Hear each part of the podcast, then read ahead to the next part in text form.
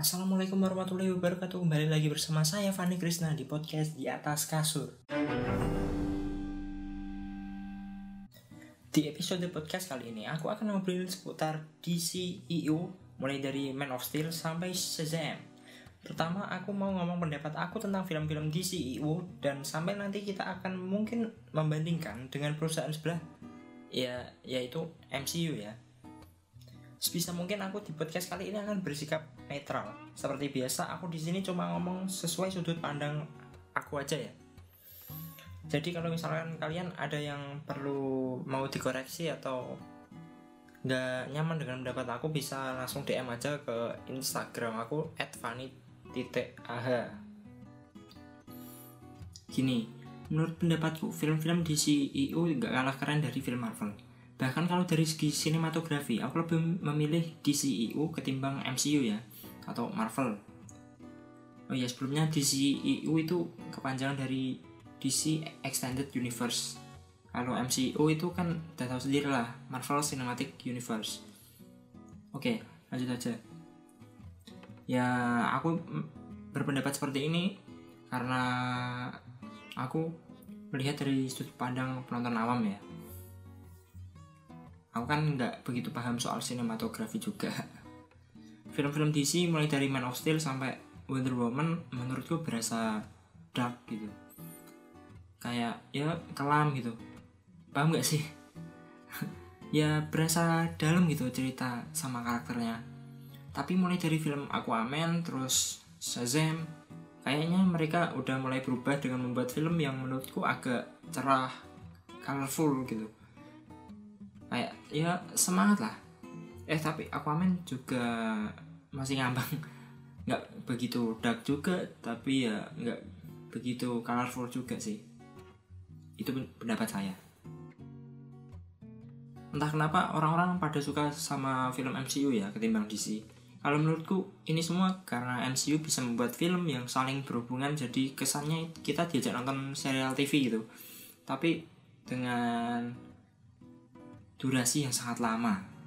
Nah, di samping ceritanya, director MCU menurutku juga sangat hebat karena bisa mendirect dengan bagus dan yang terpenting itu bisa diterima oleh masyarakat luas.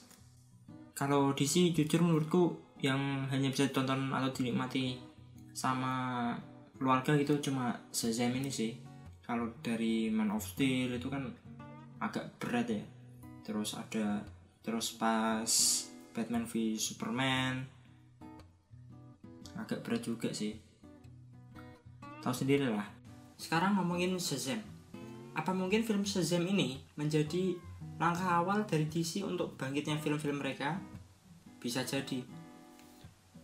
Bisa jadi film Shazam ini menjadi langkah awal DC untuk memproduksi film-film yang kelihatan lebih cerah atau colorful gitu. Atau hmm, bahasanya itu dapat ditonton semua umur gitu.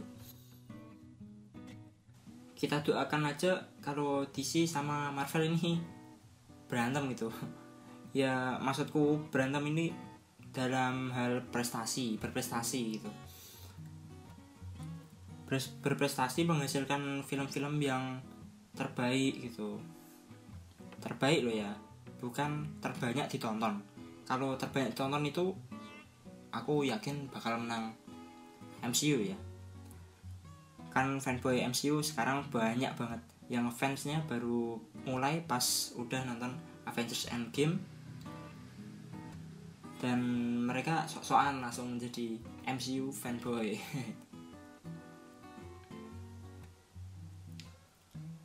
Oke, kalau aku sih film Shazam ini benar-benar film untuk keluarga ya. Bahkan malah lebih cocok ditonton anak-anak karena nonton film ini berasa nonton serial Power Ranger gitu. Apalagi kan menit-menit akhir kekuatan Shazam ini dibagi sama saudara-saudaranya. Nah saudara-saudaranya ini unik ya kostumnya berwarna-warni itu.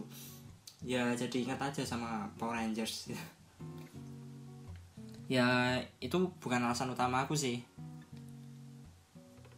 Alasan utamaku ya karena pas nonton film Shazam ini aku merasa kayak cepat gitu kok bisa berasa cepat gitu hawanya. Gak tahu kenapa hawa pas nonton film ini tuh berasa cepat gitu. Ya aku nyebut hal ini tuh ragu gitu mau nyebut ini sebagai kelebihan atau nyebut sebagai kekurangan kelebihannya menurutku sih karena ini film keluarga jadi aku nonton berasa santai dan unsur drama di sini tuh ya lumayan lah. Komedinya standar ada yang kena ya juga ada yang miss kalau di saya ini. Tapi kalau dari segi action lumayan suka aku. Karena efek-efek di film ini bagus terutama ada shot yang seperti di film Man of Steel itu ini sangat keren ya tapi kalau ada inovasi shot yang lebih bagus kenapa nggak cari yang lebih bagus saja? Tapi ya sesuai selera, selera sih. Aku sih suka tapi ya terserah kepada individu masing-masing lah. Oh iya sutradara film Shazam ini ternyata dia juga yang dulu menyutradarai film Annabelle Creation nah ini tuh berimbas sama desain karakternya yang tujuh dosa itu loh. Nah desain karakternya itu berasa lebih keren gitu. Lebih jahat kayak pe penyihir gitu. Pas lah kayak ada unsur-unsur penyihirnya. Ya menurutku ini desain yang lebih ba bagus dari monster-monster di DC sebelum-sebelumnya Oke, sampai di situ dulu podcast aku di episode kali ini. Silahkan kalau mau berinteraksi bisa DM Instagramku @fani.ah. Oke, saya minta maaf kalau aku ada salah-salah kata. Wassalamualaikum warahmatullahi wabarakatuh.